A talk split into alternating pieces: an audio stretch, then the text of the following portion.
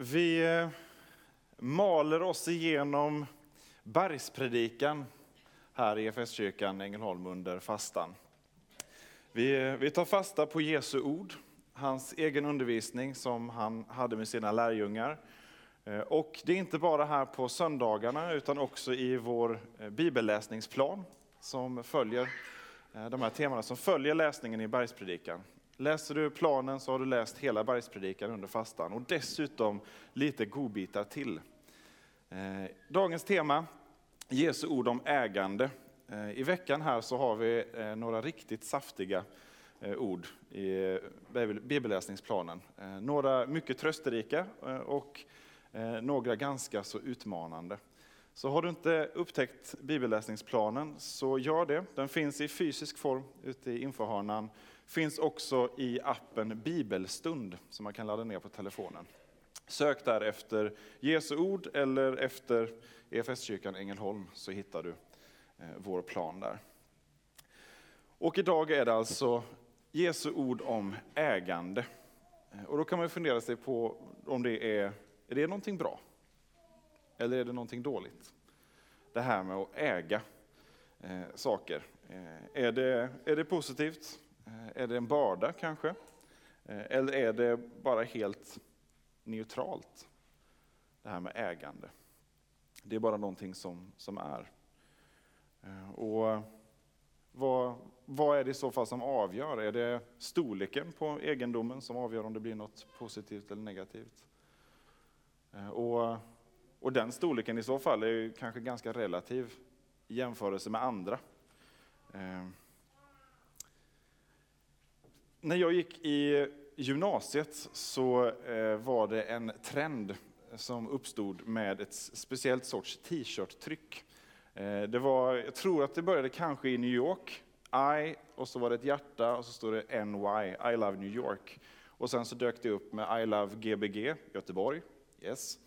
Eh, och stad efter stad och sak efter sak. Och så dök det upp ett, en t-shirt som vi kan få upp här från ett politiskt ungdomsförbund.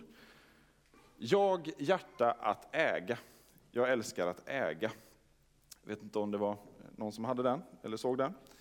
Eh, ett budskap som jag tror många upplevde ganska så eh, provocerande. Eh, en del tyckte att det var ganska osmakligt.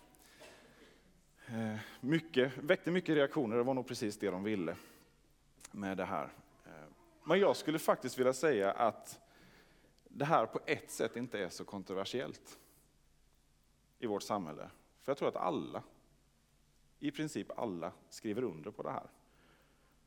Vare sig vi är stolta över det eller inte. Oavsett vad vi lägger in för ideologi och, och syn och proportioner på det, så grundläggande så är det nog så med oss människor, att vi älskar att äga saker.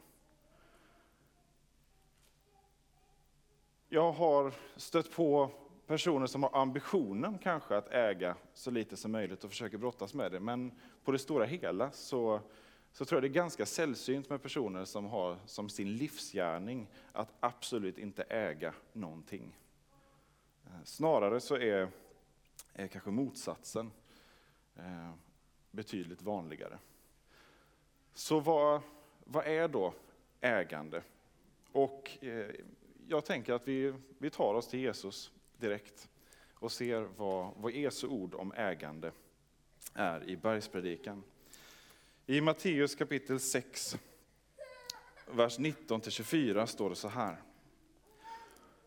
Samla inte skatter här på jorden, där mal och mask förstör och tjuvar bryter sig in och stjäl. Samla skatter i himlen, där varken mal eller mask förstör och inga tjuvar bryter sig in och stjäl. Ty där din skatt är, där kommer också ditt hjärta att vara. Kroppens lampa är ögat. Om ditt öga är ogrumlat får hela din kropp ljus. Men om ditt öga är fördärvat blir det mörkt i hela din kropp. Om nu ljuset inom dig är mörker, hur djupt blir då inte mörkret? Ingen kan tjäna två herrar. Antingen kommer han att hata den ene och älska den andra, eller att hålla fast vid den ene och inte bry sig om den andra. Ni kan inte tjäna både Gud och mammon.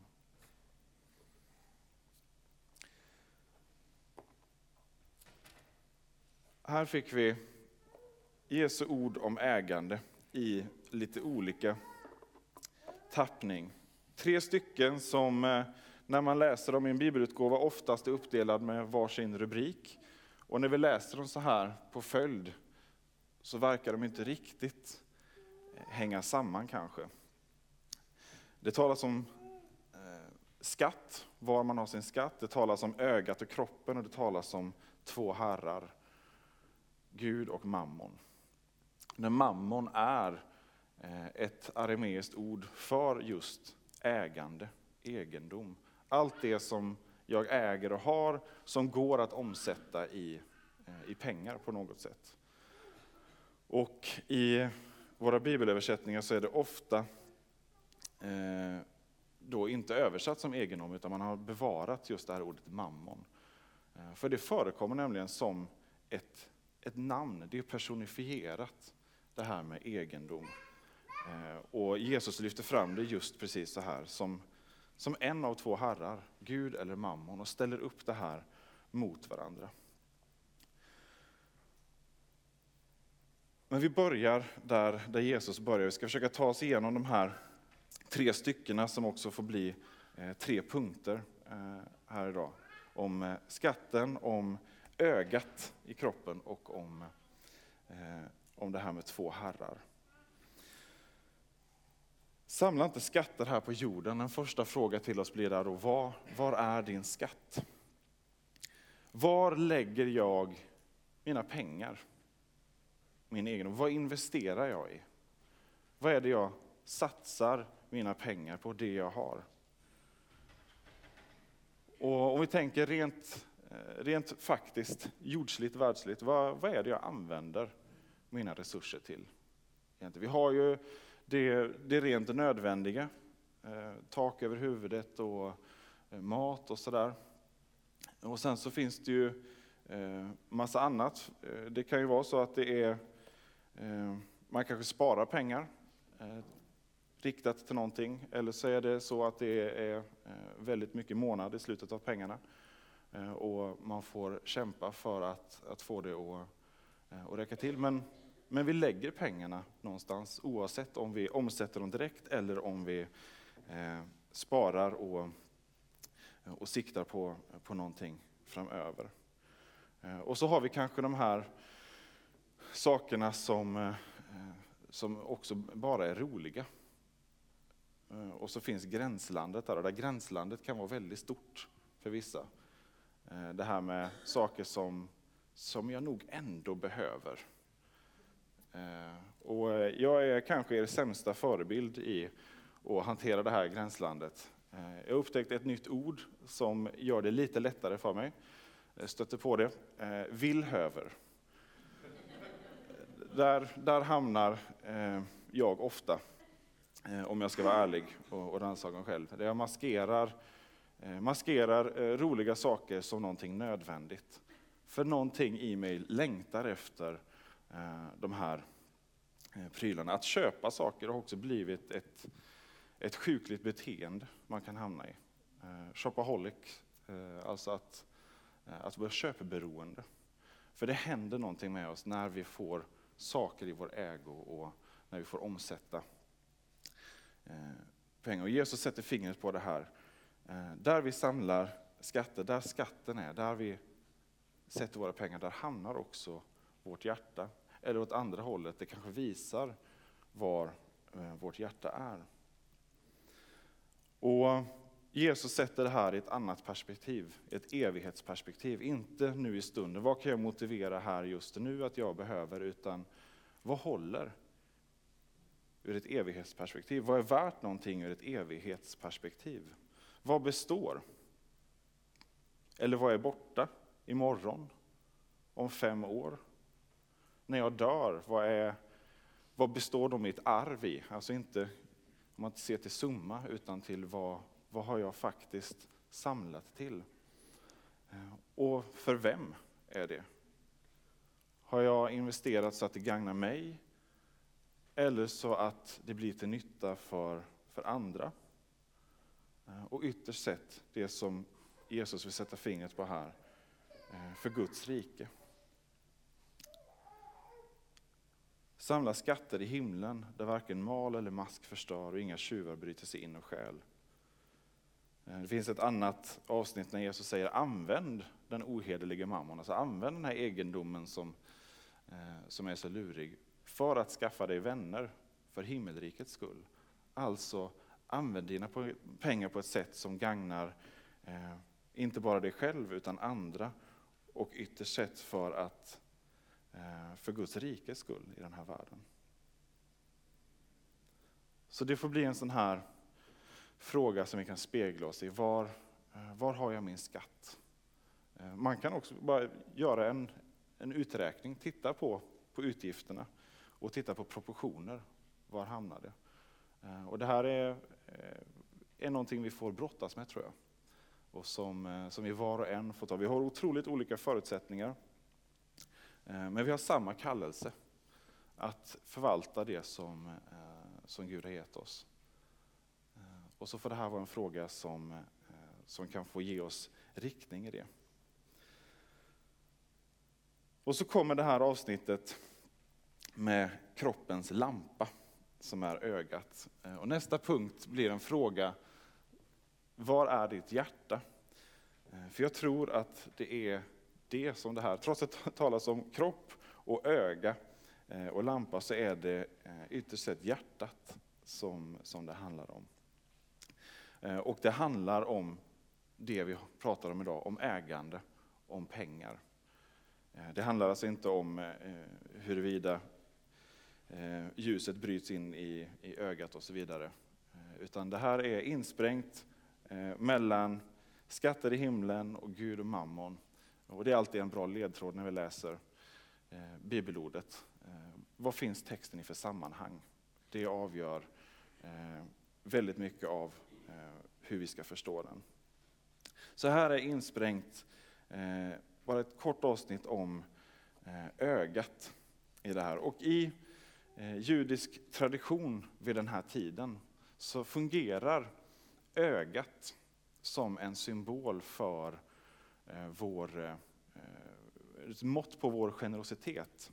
Så att ha ett ogrumlat öga, eller ett gott öga, eller ett friskt öga eh, i det här är helt enkelt med betydelsen att vara generös. Och att ha ett fördärvat öga, eller ett sjukt öga, eller ett ont öga, är att vara eh, gniden, snål, eh, missunnsam. Det är det symbolspråket som är, är levande eh, vid, vid Jesu tid och som jag tror att han eh, använder här och tar tag i. Eh, så helt enkelt om, eh, om ditt öga är ogrumlat, alltså om du är generös får hela din kropp ljus. Om ditt öga är fördärvat, alltså om du är eh, snål, eh, missunnsam, eh, då blir det mörkt i hela din kropp. Och det jag tror Jesus sätter fingret här på, var, var har vi vårt hjärta? Alltså vad är mitt, min attityd till, till det här? Om, nu, om vi först rannsakar oss med var är skatten, var, var lägger jag? Och sen vad har jag för attityd i att hantera det här? När jag gör mina val sen, eh, vad jag faktiskt vill lägga eh, mina pengar, vad styrs jag av då? Hur är min attityd? Är jag generös? Eh, eller är jag inte det? Och här ser Jesus att här får hela kroppen ljus om ögat är ogrumlat. Alltså en generös attityd ger hela kroppen ljus. Eh, och där tänker jag att man kan få, få läsa in rent faktiskt, det, det får oss att må bra. Eh, det ger ljus till hela vår, vår varelse, hela vårt jag, att vara generösa, att dela med oss. Eh, det är vad vi skapade till, att dela med oss. Så det får oss att må bra. Och här har vi modern forskning med oss. Man har studerat eh, givmildhet eh, och givande. Hur påverkar det? Vad kickar det igång i hjärnan? Bara att tänka på. Eh, man har försökspersoner som har fått då en, en summa pengar och så kontrollgrupp som har sagt att de får använda det själva och sen en grupp som då får tänka på vem vill jag ge den här till? Och bara de tänker på att ge den till någon så kickar igång då Eh, områden i hjärnan som, eh, som då eh, ger en, en, en lyckokänsla. Och som, som kickar igång ännu mer när man faktiskt ger bort den. Då.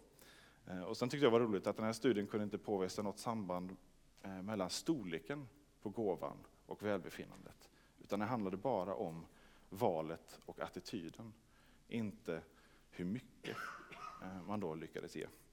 En liten parentes sådär. Eh, så att ge, det, eh, det får oss att må bra. En generös attityd. Men det ger också, tänker jag, om vi talar det bibliska sammanhanget om kroppen, där kroppen används som symbol för, för hela församlingen, Kristi kropp. Eh, att om vi ger, om, vi, om min attityd är att mina medel inte bara är för mig själv, utan för mina syskon, för, för de jag har runt omkring mig. Eh, vi som står tillsammans, som är i samma lag som Rebecka talade om här i kollekttalet. Ja, då får hela kroppen, då får jag vara med och ge hela kroppen ljus. Så hela församlingen kan få ljus av att vi är med och bär varandra. Inte bara, tänker jag, i, i gåvor in i, i verksamhet och det vi har ansvar här för eh, tillsammans, utan också att vi direkt ser varandra och är beredda att bära varandra. Där vi i olika tider Eh, kommer ha olika behov och bekymmer. Så var, var vi har vårt hjärta, vår attityd, eh, kan göra hela skillnaden för, eh, också för, för hur vi mår och för, eh, för hur församlingen mår.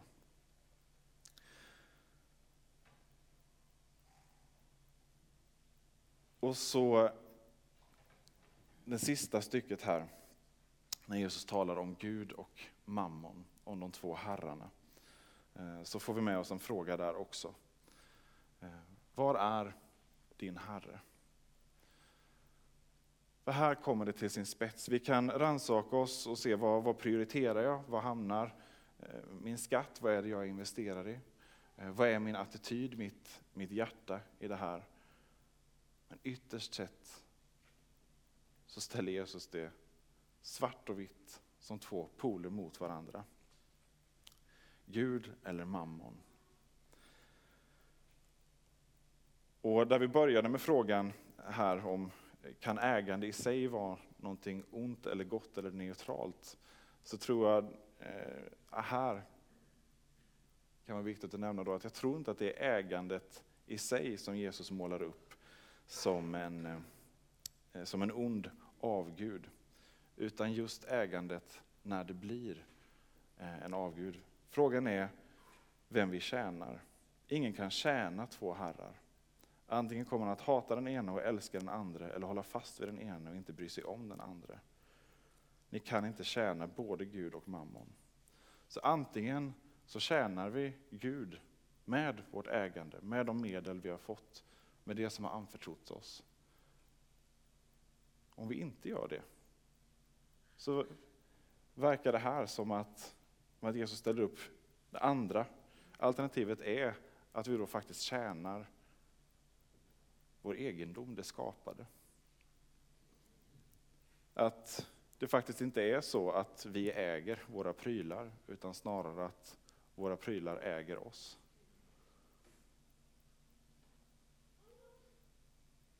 Och tyvärr så ser vi så otroligt många exempel på det i stort och smått. Eh, jag vet inte om det, det är omöjligt att köpa ett armbandsur idag utan att bli erbjuden en treårsförsäkring, eh, separat försäkring just för det eh, armbandsuret. Alltså vi vill, vi sås in hela tiden tanken att, att det vi äger, våra prylar, är något av det viktigaste vi har. Vi måste omhulda det här Eh, på bästa sätt, ta ansvar för och eh, använda våra pengar för att säkra upp och trygga. Eh, det finns otroligt mycket eh, försäkringar och, och sätt att, eh, eh, ja, att, att fastna i och, eh, och gå upp i, i det vi äger och det vi har. Så mycket tid, så mycket omsorg, så mycket oro eh, som finns kring det här. Så att det blir nästan som att, att prylarna äger oss. Eh, till slut. Eh, I ett eh, stort världsperspektiv så är det så att egendom, ägande av mark, vatten, olja leder till enorma konflikter. Och där, där människor och också mänskliga ledare till slut bara blir brickor i ett enormt spel kring ägande och verkar styras av, av betydligt större krafter än vad man kan hantera. Och vi bländas av andras rikedom. Det är någonting med folk som har riktigt, riktigt mycket pengar och där det syns utåt. För vi vill, vi vill vara nära det och samtidigt så är det någonting också kanske djupt obekvämt eh, i det. Eh, kändisskap, Eh, lyx och flärd. Och så den här ständiga jakten på pengar med löftet om friheten. Om vi ser lottoreklam eller kasinoreklam som vi översköljs av nu, där, där målet är frihet. Fullständig frihet, ekonomiskt oberoende och man målar upp eh, fantastiskt vackra eh, målbilder i filmen om vad som kan hända bara jag kammar hem storvinsten. Och så går vi in och tänker att om jag bara underkastar mig det här, om jag bara går in i det här, så kommer jag uppnå frihet. Men det vi gör är och sätter eh, den stora summan pengar, drömmen om de stora pengarna, som blir en herre. Någon som leder oss och som påverkar mina beslut. Eh, spelmissbruk eh, ökar lavinartat. Har dubblerats nu på några år. Och det minskar inte med de eh, det enorma flödet av nätkasinoreklam som, som är igång nu. Och det, är så, det blir så tydligt här varför Jesus ställer upp de här mot varandra, mammon och Gud. När det är just det som Gud utlovar, som han också försöker utlova i de stora pengarna, nämligen friheten. Den fullständiga friheten. Men så får vi också vittnesbörd efter vittnesbörd och de som kraschar längs vägen. Men får också vittnesbördet från de som lyckas, som når de stora pengarna. Många som vittnar om det fanns ingen frihet där. Fortfarande så gnagde den här tomheten. Och fortfarande så finns möjligheten att bli bunden av det man trodde skulle ge friheten. Så vad är motgiftet i det här? Ja, det är att vända sig om från den Herren till den som ska vara vår Herre, Gud själv. Att erkänna vems egendom det faktiskt handlar om. Om jag har medel och resurser, varför har jag det? Därför att vi har en Gud som har skapat oss och som har gett oss uppdraget att förvalta det han har skapat. Ska vi hårdra det så äger vi ingenting. Det är ett hittepå. Att vi kan äga saker. Land och fastighet och pengar. Pengar finns ju inte. Det är bara en överenskommelse. Det vi har det är skapat och det finns bara ett ursprung till det och det är skaparen själv. Som uttryckligen säger att vi ska förvalta det. Och då gäller det för oss att veta vem vi verkligen tjänar. Då gäller det för oss att veta vad har jag för hjärta i det här? Hur använder jag min egendom? Och det gäller att veta var hamnar mina investeringar? Var hamnar det jag satsar på?